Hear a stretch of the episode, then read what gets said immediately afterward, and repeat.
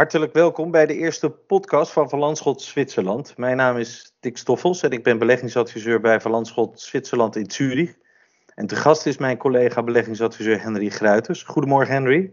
Goedemorgen Dick. We gaan het vandaag hebben over fysiek goud. Dit jaar heeft goud een all-time high neergezet van meer dan 2000 dollar per ounce. En in onze adviesgesprekken is gedurende 2020 goud veel voorkomend gespreksonderwerp.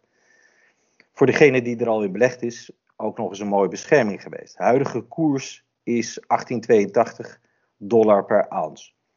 Vandaag willen we de podcast gebruiken om veel voorkomende praktische vragen te beantwoorden en of te verduidelijken met betrekking tot het aanhouden van fysiek goud in Zwitserland bij Van Landschot. En niet goud beleggen via futures, opties, turbo's, ETF's en meer. Henry, eerste vraag. Hoe werkt het als ik bij Van Landschot Zwitserland fysiek goud wil kopen? Goede vraag, Dick. Het is niet zo heel anders dan het kopen van uh, ASML of Apple. Het is uh, heel gemakkelijk. Je belt je adviseur met de opdracht om bijvoorbeeld 100 ounces goud tegen euro's te kopen. De adviseur zal de depotbank UBS in dit geval bellen en vragen of zij dan voor 100 ounces goud uh, goud in de kluis van Van Landschot plaatsen. De standaard barren die wij in de kluis hebben liggen zijn barren van 400 ounces of 12,5 kilogram. En uh, hetgene wat daarvan overblijft, wordt dan afgerond met uh, andere barren van andere gewichten. Het is ook mogelijk om te zeggen van nou ik wil specifiek barren van 1 kilo in de kluis uh, deponeren. En het is mogelijk om deze apart in de kluis te leggen op een individueel depot. Maakt het uit in welke valuta ik goud koop? Nee, je koopt goud of verkoopt goud in een gewicht. Je koopt een bepaald gewicht aan goud, bijvoorbeeld een kilo of uh, een ounce. Dat kunnen wij doen tegen elke valuta, of dat de US dollar, ponden of euro's is. Het hangt er vanaf wat voor krediet je op uh, je rekening hebt staan. Wij proberen zo min mogelijk onnodige valutatransacties te doen. Wat voor verwarring zorgt is wel dat de standaard goudprijs in, troy, uh, in US dollar per troy ounce noteert. Daarom zegt men vaak dat als de dollar, dollar naar beneden gaat, dan gaat de prijs van goud omhoog. Maar dat is puur het effect dat die dollars minder waard zijn geworden.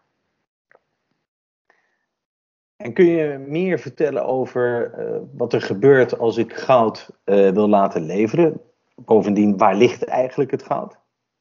Uh, het goud ligt in een kluis bij onze depotbank UBS hier in Zurich. Als je het goud wil laten leveren, dan uh, kan je het laten leveren naar Van Landschot in Zurich. Die levering die kost uh, 250 uh, Zwitserse franken. Voor, het heeft wel wat magisch om dat goud zelf in je handen te hebben. En het, ja, het klinkt daarom ook interessant om dat goud zelf naar huis mee te nemen en wat barretjes onder het bed te bewaren. Maar het is niet zo heel vanzelfsprekend. Want je haalt het goud dan uit het financiële systeem. Uh, als een klant bij ons, en het is daarom ook moeilijk om het weer in het systeem te krijgen. Als een klant bij ons langskomt met 50.000 euro aan cash, dan zullen wij ook veel vragen hebben voordat wij dat uh, accepteren. Uh, in principe nemen we daarom alleen leveringen van goud aan van andere financiële instellingen, zoals bijvoorbeeld Credit Suisse of de Zurich Kantonaalbank. Ehm, wij moeten namelijk weten, als uh, een klant met uh, fysieke barren aankomt, waar dat uh, goud vandaan koopt. of, of op dat goud ook wel belasting is betaald en dat het bekend is bij de Belastingdienst. En waarom het in de eerste plaats niet bij een in financiële instelling heeft gelegen. wij raden daarom aan om het goud binnen het financiële systeem te houden. Mocht je toch naar huis mee willen nemen, moet je ook opletten bij het eh, exporteren van het goud en het goud bij de douane aangeven. Er gelden geen import- of exporttarieven op goud, maar je bent als klant wel verplicht om liquide middelen boven 10.000 franken bij de grens aan te geven. Wij raden daarom aan om het goud gewoon binnen het financiële systeem te houden en het via banken uh, te transfereren. Goed om te weten, Henry. Tot nu toe hebben we het over goudbarren. Uh, is er ook nog iets mogelijk als goudmunten kopen en bewaren? Ja, het is uh, heel populair om ook bijvoorbeeld uh, goudmunten zoals American Eagles te kopen. Uh, dit kan ook uh, bij de bank en wij kunnen deze ook op de kluis bewaren. Het komt dan ook netjes op je vermogensoverzicht te staan. En wij handelen tegen uh, marktprijzen. Die prijzen kan je ook zien, online zien. En wij zullen een link daarvan toevoegen aan ja, de omschrijving van deze podcast. het brengt ook ja, voordelen met zich mee. Wij rekenen daarvoor gewoon standaard transactiekosten. Uh, het komt op je portefeuille te staan die je op e-banking kan zien. En wij zorgen voor uh, de, ja, de administratie. Uh, ook wat een voordeel brengt om het allemaal bij een bank te doen, is dat het mogelijk is om het goud wat op de depot staat als onderpand te gebruiken voor een lening. En je zou er potentieel opties op kunnen schrijven. En dan nog een hele belangrijke vraag voor velen. Wat, wat gebeurt er eigenlijk als een bank failliet gaat? Ja, een veel voorkomend uh, angst bij uh, goudbeleggers is dat heel het uh, financiële systeem in elkaar valt. ja, wij zien dat niet zo snel gebeuren, maar wat wel belangrijk is om te weten is dat het goud wat fysiek in een kluis ligt niet onderdeel is van de boedel van de bank.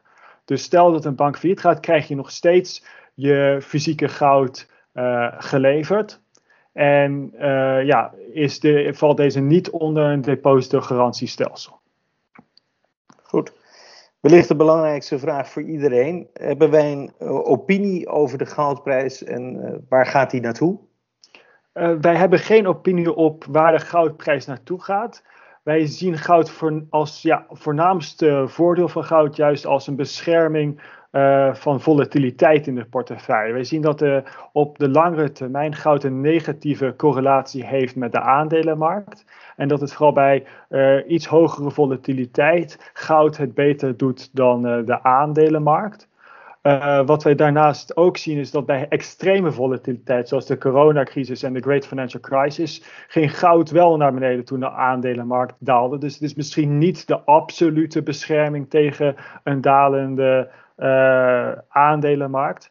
Maar wij zien vooral dat het zorgt voor wat extra spreiding binnen de portefeuille. We zien dan ook bij family offices en endowments dat zij tussen de 3 en 5 procent van de portefeuille in goud uh, beleggen.